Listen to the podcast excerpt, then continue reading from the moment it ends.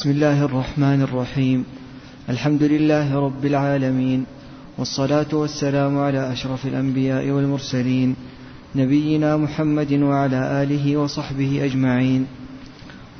قال شيخ الإسلام محمد بن عبد الوهاب رحمه الله تعالى في نواقض الإسلام السادس من استهزأ بشيء من دين الرسول صلى الله عليه وسلم أو ثواب الله أو عقابه كفر.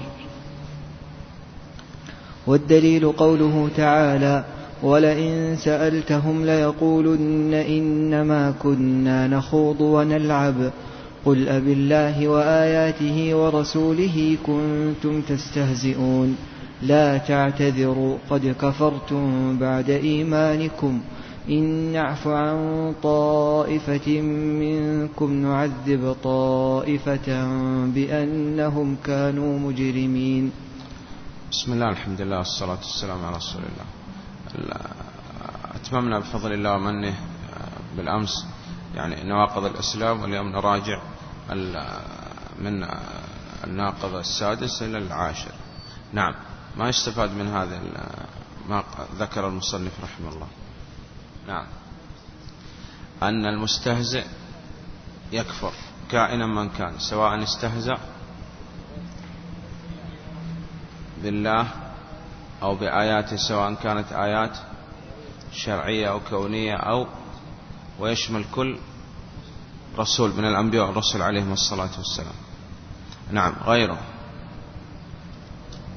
ماذا أخذنا في هذا المسألة نعم. هل تقبل توبة المستهزئ أم لا؟ المسألة هذه فيها قولان. القول الأول عند الحنابل أن لا تقبل توبته وعلينا أن نقتله. والله سبحانه وتعالى أعلم بتوبته. القول الثاني تقبل توبته بثلاث شروط. الأول نعم أن يثني على الله سبحانه وتعالى. والثاني أن يتبرأ مما قال وأن نعلم صدق. توبته تمام. غيره.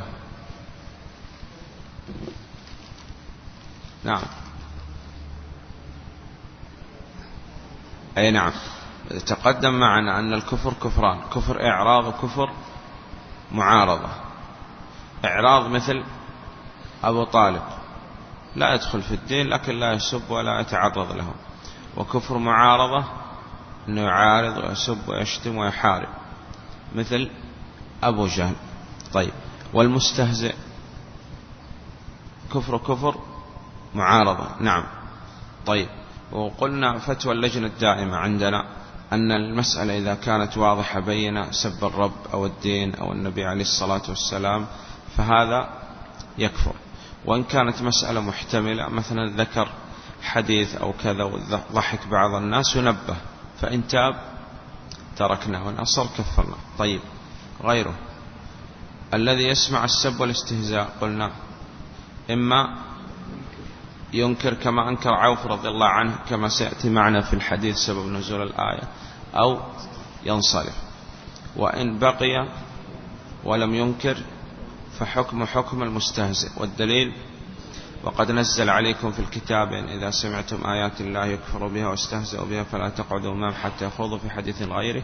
إنكم إذا مثلهم. طيب. نعم. السابع السحر. ومنه الصرف والعطف فمن فعله أو رضي به كفر. والدليل قوله تعالى وما يعلمان من أحد حتى يقولا إنما نحن فتنة فلا تكفر. نعم. تفضل. لماذا؟ لأنه لا يمكن يتأتى للساحر إلا عن طريق الكفر بالله سبحانه وتعالى كفر أكبر. وما يعلمان من أحد حتى يقول إنما نحن فتنة فلا تكفر. وأكبر بوابة لدعوة الناس إلى الشرك بالله نسأل الله السلامة والعافية. قال سواء فعله أو رضي به. نعم. من سحر أو سحر له.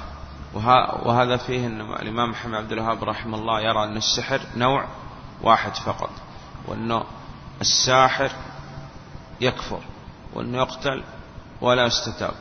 نعم. الثامن مظاهرة المشركين ومعاونتهم على المسلمين والدليل قوله تعالى ومن يتولهم منكم فإنه منهم إن الله لا يهدي القوم الظالمين. نعم. نعم. أي نعم إذا اعتقد وأراد أن الكفار يظهر على المسلمين ظهور يكون به. ها نعم. تقوية شوكة الكفار نعم على المسلمين. فإذا اعتقد هذا كفر نعم. التاسع من اعتقد أن بعض الناس يسعه الخروج عن شريعة محمد صلى الله عليه وسلم كما وسع الخضر الخروج عن شريعة موسى عليه السلام فهو كافر. نعم.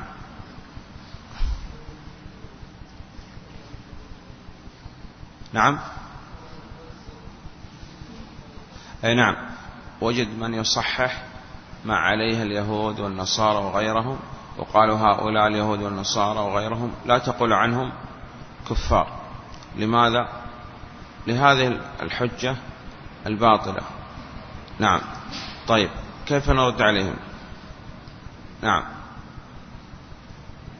نعم. أن النبي كان يبعث إلى قوم خاصة وبعث عليه الصلاة والسلام إلى الناس كافة ولا يستطيع أحد أن يتخلف عن شريعة عليه الصلاة والسلام.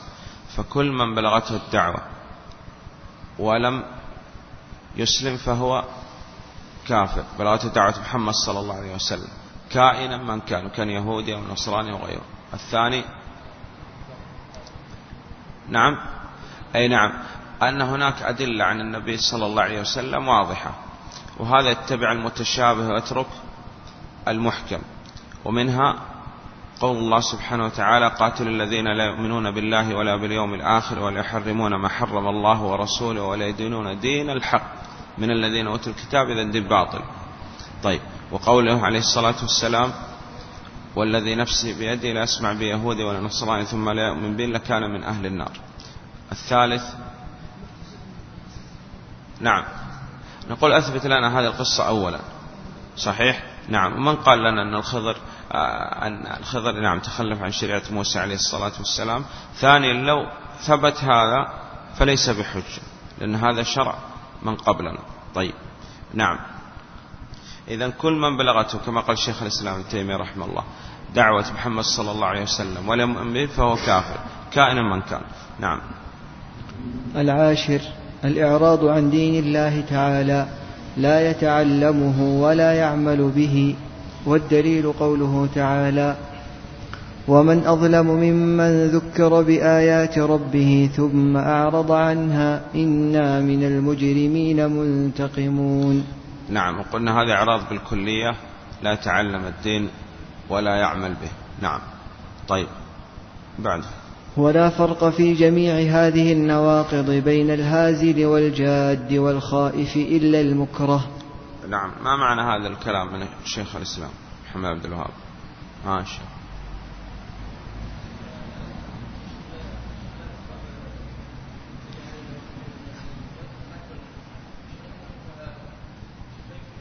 لا الهازل الدليل قول النبي عليه الصلاة والسلام ثلاث جدهن جد وهزلهن جد ومنها الردة نسأل الله السلام العافية وقل أب الله وآياته ورسوله كنتم تستهزئون لا تعتذروا قد كفرتم بعد إيمانكم. الهازل والجاد والخائف قلنا يعني بالخائف هنا لا, لا المكره. لا يقصد الخائف يخاف على ماله أو سلطانه أو جاهه أو قال مشحة بكذا سوف يأتي معنا إن شاء الله في كشف الشبهات. طيب لم يستثني إلا المكره والإكراه قلنا له شروط. الأول أن يكون مكره خرج به إذا كان غير مكره مثل الخائف هذا. طيب الثاني أن أن لا يتعدى فإذا أكره على سب مثلا واحد وتعدى لأكثر من واحد فهذا كفر لأنه أكره على واحد. طيب الثالث أن, أن يعرض ما استطاع. الرابع أي نعم إلا من أكره وقلبه مطمئن لأنه ما أحد يكره على عمل القلب. الخامس فيه تعدي وإفساد على غيره أو يكون به ضلال الناس. قلنا كما مثلنا بفتنة الإمام أحمد رحمه الله. أو مثلا أكره على قتل إنسان فمن أجل أن يبقي على حياته قال يزهق حياة الآخرين هذا ما يصح ليس بمكره. صحيح؟ وقلنا أن أحمد هناك في زمن أحمد رحمه الله من كان مكره بالقول بخلق القرآن. لكن أحمد لا. لماذا؟ لأنه يتعدى إلى غيره. ولو قال أحمد بالإكراه لظلت الأمة من خلفه. نعم. ولذلك سموا الإمام أحمد إمام أهل السنة والجماعة. نعم. وكلها من أعظم ما يكون خطرا ومن أكثر ما يكون وقوعا. فينبغي للمسلم أن يحذرها ويخاف منها على نفسه. نعوذ بالله من موجبات غضبه وأليم عقابه وصلى الله على خير خلقه محمد وعلى آله وصحبه وسلم. ماذا استفاد من هذا؟ نعم. أي نعم. هذا دليل أن الإمام محمد الوهاب أي نعم. يرى أن النواقض غير محصورة بعشرة لكن ذكر أعظم هذه النواقض وقلنا هذا من حسن التعليم. وهذه طريقة النبي صلى الله عليه وسلم وسار عليها السلف ومنها المصنف رحمه الله تعالى. والله أعلم وصلى الله على محمد وعلى صحبه وسلم. آه، درسنا إن شاء الله يكون السبت آه، آه، نتشاور إما أن نعيد الأصول الثلاثة أو نبحث عن كتاب ندرس إن شاء الله. نعم إن شاء الله يكون السبت. جزى الله الشيخ خير الجزاء. مع تحيات إخوانكم في مؤسسة دار ابن رجب للإنتاج الإعلامي والتوزيع بالمدينة النبوية. هاتف رقم ثمانية ثلاثة سبعة ثمانية تسعة ثلاثة ثمانية.